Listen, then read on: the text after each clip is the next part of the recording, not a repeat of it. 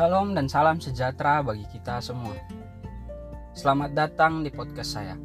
Semoga teman-teman yang mendengarkan podcast ini selalu dalam lindungan Yang Maha Kuasa dan selalu dalam keadaan sehat.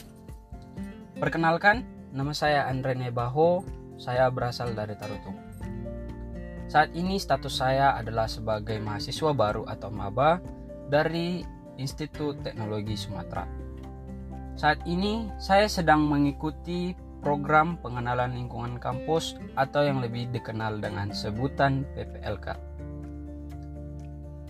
Saya berada di kelompok 55. Di kesempatan kali ini, saya akan membuat podcast tentang harapan dan rencana masa depan hidup saya ngomong-ngomong masa depan nih pasti teman-teman yang mendengarkan saat ini juga memiliki harapan-harapan untuk masa depan yang lebih baik jadi untuk merajut masa depan kita harus memiliki rencana-rencana dari sekarang agar masa depan kita terarah dan kita dapat meraihnya rencana saya yang pertama pada tahun ini dan tahun ke depannya saya ingin get belajar dan memiliki banyak relasi dan mengikuti beberapa organisasi.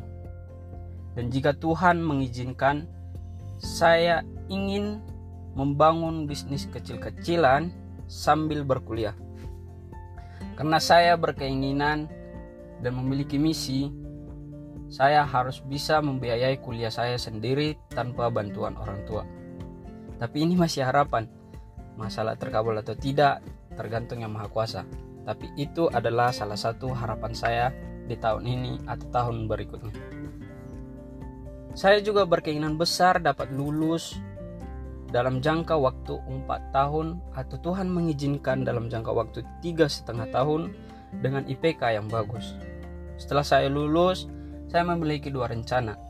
Rencana pertama, saya ingin langsung bekerja dan mengumpulkan modal dan membuat usaha sendiri karena saya tidak memiliki keinginan menjadi tenaga kerja, tapi saya memiliki keinginan untuk membuka lapangan pekerjaan.